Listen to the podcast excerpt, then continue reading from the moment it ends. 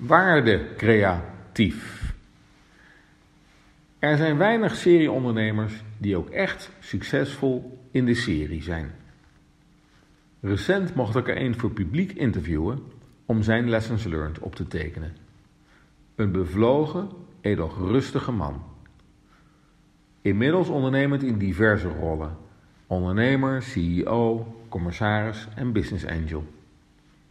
Altijd mee investerend He puts his money where his mouth is. Innemend en gepassioneerd. Inspirerend en verbindend, maar hij zet wel de agenda. Geen misverstand daarover. Wijs doserend in het doseren van zijn wijsheid. Humor, een teamman, chemie. Ziet ondernemen als een reis naar de Matterhorn, waar de reisgenoten, liefst vertrouwelingen, ook vooral lol moeten hebben. Iemand die deelt, die liever de nieren proeft dan het spreadsheet controleert. Die niet aarzelt grenzen aan te geven, confronteert zodra het moet. Duidelijkheid voor alles. Duidelijkheid over richting, over verwachtingen en feedback. Uiteraard 360 graden. Leiderschap gedefinieerd als voorbeeldgedrag. Maar bovenal een mens met een jaloersmakend business instinct. Timing, voorwaartse achterwaartse integratie, schaal, groei, verdienmodellen, digitale transformatie of steekhoudende disruptie. Altijd en overal op zoek naar waardecreatie.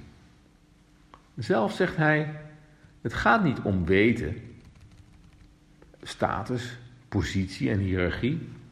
Het gaat om de reis die je met anderen maakt.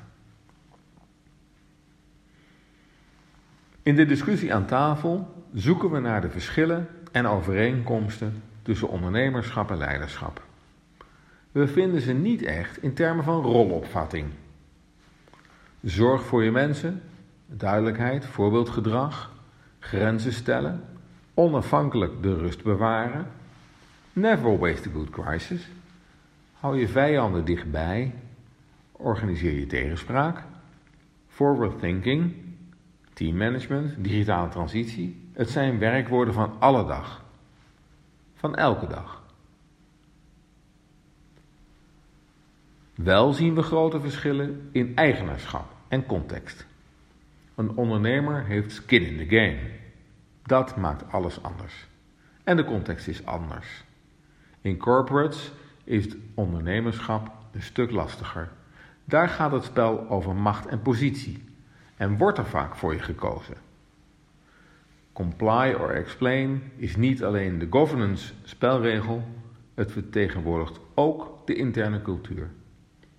Terwijl bij ondernemingen de visie en waarde voor klanten voorop staat.